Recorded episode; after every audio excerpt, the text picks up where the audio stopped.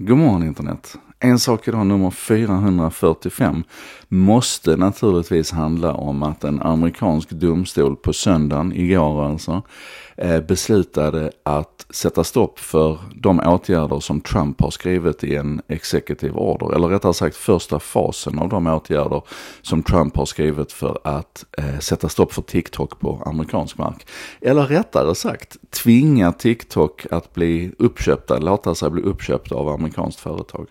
Och det här är en sån märklig historia på så många plan. För det är ju egentligen en, en nationell expropriering man gör. Man tvingar ett utländskt bolag att skaffa sig ett amerikanskt ägande. Eh, det, är, det är jättemärkligt alltihopa. Som om Oracle och, och eh, Walmart skulle vara tryggare ägare av TikTok för den amerikanska befolkningen. Och, och, det pratas väldigt lite egentligen om hur, hur märkligt det är med den här sortens expropriering. Att liksom gå in som, som amerikansk president och, och kräva att ett utländskt bolag måste skaffa sig amerikanskt ägande för att få lov att fortsätta existera. Och inte göra det genom någon slags lagstöd egentligen, utan bara skriva en executive order som, som ska få det där på plats. Det som har stoppats nu det är ju den första delen av de här åtgärderna, nämligen att den skulle försvinna ifrån Googles och Apples mobilaffärer. Alltså du ska inte kunna ladda ner appen på nytt i din mobiltelefon.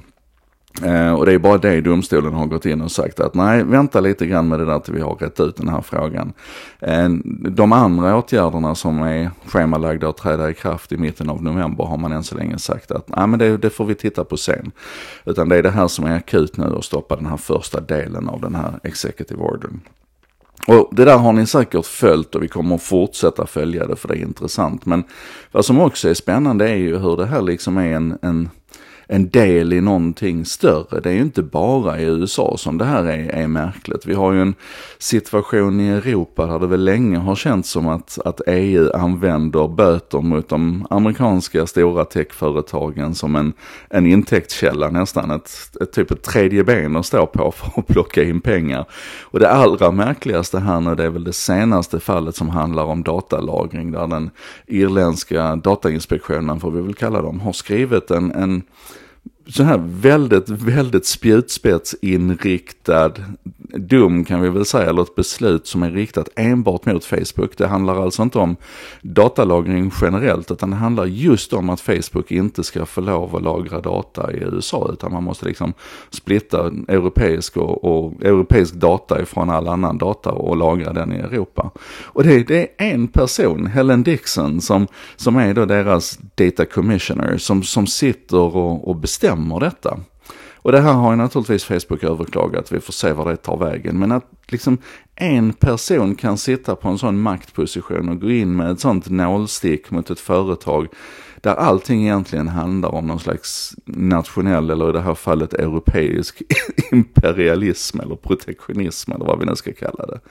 Eh, jag förstår att Facebook blir sura här och säger, ja ah, men hörni då skiter vi i Europa, då drar vi oss ur Europa om det blir på det här sättet. För man, Även om det kanske är ett naivt hot. Men, men jag fattar verkligen att man tröttnar på att hålla på och jaga rörliga mål på det här sättet hela tiden. Och den allra bizarraste situationen har vi kanske i, i Australien där det nu verkar som att, att myndigheter och politiker har bestämt sig för att helt förbehållslöst springa i en, en viss mediemagnats eh, fotspår och göra allting som han säger till dem. Alltså det, det, det luktar så mycket Murdoch över den här senaste serien av beslut ifrån, ifrån Australien. Och det handlar, handlar om den här, den här diskussionen om att vi ska tvinga nätjättarna att betala till medieföretagen när någon av användarna lägger in en, en länk. Eller att, att Google inte ska få lov att publicera ett litet excerpt, alltså ett litet utdrag och kanske en liten tumnagelbild ifrån en artikel när den dyker upp i sökresultaten och sådär. Och då har man ju som vanligt, som, som vi har sett mönster från andra håll, då har man ju först sagt då att nej men då visar vi inte det. Eh, och då blir man juridiskt tvingad att visa de delarna också för att annars är det orättvist och illojal konkurrens. Och då säger de att, ja men då visar vi ingenting alls, då tar vi inte med det här i sökresultaten och då får man en smäll för det. Men i Australien har man gått ännu längre.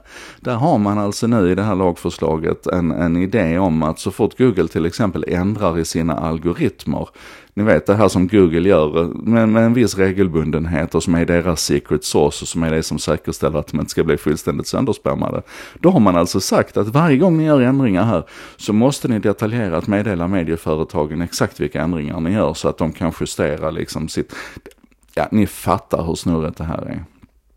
Och det här kokar hela tiden och hela vägen ner till det som jag så ofta frågar mig. Det är liksom de som kräver hårdare kontroll över nätjättarna, över sociala medier och sådär. Tycker ni det verkar som att, att vårt offentliga är speciellt duktiga på att köra den här maskinen? Alltså tror vi att att ett Facebook skulle vara bättre om det var Donald Trump som styrde över det istället för att det var Mark Zuckerberg? Eller, eller tror vi att Google i Sverige hade varit bättre om det var Jimmy Åkesson som satt och vred på rattarna snarare än Sergej Brin och Larry Page. Alltså ni är med på vad jag menar va. Vi måste vara försiktiga med vad vi önskar oss i de här frågorna. För att här är tre exempel på, på hur illa det kan bli med TikTok i USA, med Facebook-domen här i Europa och med det som händer i Australien. Det, det saknas liksom inte exempel på hur, hur fel det kan bli.